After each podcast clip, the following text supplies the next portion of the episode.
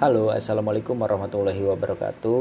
Eh, kembali lagi bareng gue Heru Komarudin di podcast gue yang memang gue luangkan atau gue siapkan untuk bercerita tentang hal-hal apa pun yang gue alami gitu. Nah, uh, kali ini gue mau bercerita tentang uh, satu hal yaitu tentang bagaimana caranya kita mau mendengarkan seseorang. Dulu ada dulu di beberapa 5-6 tahun yang lalu gue termasuk orang yang uh, senang banget berbicara uh, atau lebih tepatnya sedang belajar untuk berbicara di depan umum. Karena waktu SMP SMA itu gue selalu punya banyak pikiran yang ada di kepala tapi karena beberapa satu dan lain hal gue selalu mengurungkan apa pun yang ada di kepala gue nah semenjak mulai kuliah gue uh, kuliah di 2010 atau 11 itu gue sudah mulai coba belajar untuk berbicara di depan umum. Lalu uh, di tahun 2016 gue dapat kesempatan lanjut kuliah juga. Gue gue sudah mulai lebih terbiasa untuk berbicara di depan umum. Tapi uh, semenjak 2-3 tahun kebelakangan ini gue merasa uh, untuk kita bisa menjadi apa ya pembicara yang baik adalah kita harus berangkat dari menjadi pendengar yang baik. Walaupun quotes ini udah gue tahu udah cukup lama tapi uh, ternyata memang uh, pengalaman atau pertumbuhan atau perkembangan diri sendirilah yang akhirnya membawa kita untuk uh, bisa maju atau bertemu dengan titik itu gitu. Nah, uh, pada suatu waktu gue uh, berdiskusi gitu atau ngobrol sama teman baik itu yang di WhatsApp ataupun juga bertemu di satu forum tatap muka gitu. Uh, ada satu istilah loud man in uh, wrong decision. Jadi dalam kalau kita diskusi gitu atau kalau kita ngobrol di satu forum yang mana kita harus menentukan satu satu keputusan kita terkadang selalu menemukan seseorang yang uh, dia selalu banyak berbicara satu ataupun dia yang berbicara dengan lantang ataupun keras dan juga di atau yang ketiga dia yang, yang selalu berbicara berulang-ulang uh, menyampaikan pendapat yang dia miliki. Dari ketiga poin itu uh, gue coba belajar dari satu quotes yang tadi uh, pembicara yang baik adalah pendengar yang baik. Nah Uh, terkadang kalau kita berada di posisi yang menjadi pendengar kita bisa lebih bijak untuk untuk uh, mengemukakan apa yang ingin kita sampaikan. Karena kita uh, terus berlatih untuk menjadi orang yang berada di sisi pendengar ketika kita menjadi orang yang berbicara kelak kita akan bisa lebih merasa kalau saya melempar kalimat ini apa yang akan orang lain rasakan gitu. Kalau saya berargumen seperti ini apa yang akan orang lain pikirkan. Walaupun memang uh, di beberapa situasi uh, ngomong aja dulu uh, itu menjadi menjadi apa ya?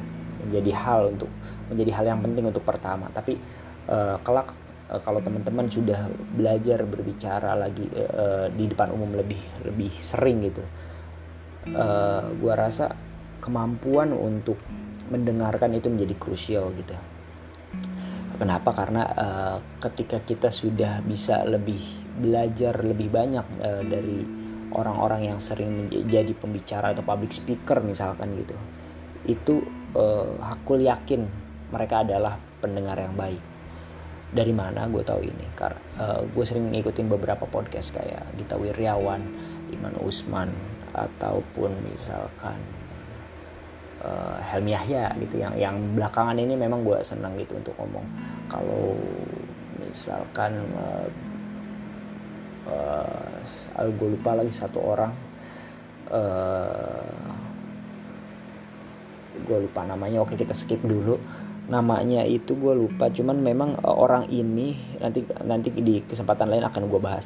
Orang ini uh, setiap dia presentasi meluangkan waktunya itu sekitar 90 jam menyiapkan materi yang akan dipresentasikan dalam uh, dalam satu jam gitu. Ini gue dapat cerita ini dalam satu episode YouTube gitu. Nah tetapi ketika dia berbicara itu tampilan dari gerak tubuhnya itu uh, sangat amat simpel sehingga ketika dia mulai mulai uh, apa mulai berbicara dari gerak tangannya mimik wajahnya itu mencerminkan bahwa dia adalah seorang yang pendengar. Dari mana gue tahu dari ketenangan ketenangan yang yang dia timbulkan uh, ini akan tercermin ketika dia berbicara gitu. Jadi uh, mendengarkan itu menjadi krusial. Mendengarkan ini sendiri gue bagi gue bagi menjadi dua ya uh, kalau gue pribadi uh, mendengarkan gue bagi menjadi dua yang pertama gue mendengarkan obrolan secara uh, langsung gitu dari orang uh, orang A dan B berbicara gue mendengarkan atau yang B ini bisa gue juga menjadi uh, mendengarkan melalui media gitu. Uh, media seperti YouTube podcast gitu. Nah tapi uh, gue punya uh, satu keunikan lagi yang yang uh, sering gue lakukan gitu. Ketika gue auditorik banget sepertinya gitu. Uh, karena gue merasa ketika gue membaca buku uh, itu dengan tanpa ada suara dibandingkan dengan ada suara yang gue keluarkan gue akan lebih mudah mengingat uh, kalimat atau paragraf yang gue baca dengan menggunakan dengan mengeluarkan suara. Nah gue jadi bagi gue membaca adalah juga metode mendengarkan terbaik buat gue gitu. Karena sejak tahun 2000 sekitar 2015 2016 gue selalu coba tingkatin bacaan gue ya bacaan buku buku-buku yang gue baca gitu. Agar karena agar gue uh, ingin hal yang keluar dari mulut gue adalah satu proses yang panjang gitu. Baik itu dari membaca mendengar dan juga berpikir sehingga keluar menjadi satu kalimat uh, mungkin bagi teman-teman yang mendengarkan yang yang sudah uh, memiliki pengalaman pengalaman yang cukup panjang dalam berbicara itu hal ini uh, sudah dilewati. Tapi bagi teman-teman yang yang ingin belajar untuk uh, berbicara lebih fasih lagi lebih berani lagi lebih bisa merangkai kalimat lagi ini menjadi apa ya menjadi uh, awal yang harus dilakukan gitu bahwa mendengarkan adalah kemampuan yang yang fundamental gitu dalam kita uh, menjadi orator atau menjadi pembicara ya, di depan umum gitu. Nah uh, mungkin uh, cerita malam hari ini itu dulu kapan-kapan gue lanjut uh, gue juga masih banyak banget cerita tapi gue akan coba ceritakan satu persatu agar uh, dalam satu uh, episode itu uh, dapat satu message-nya gitu. Oke, terima kasih. Uh, salam.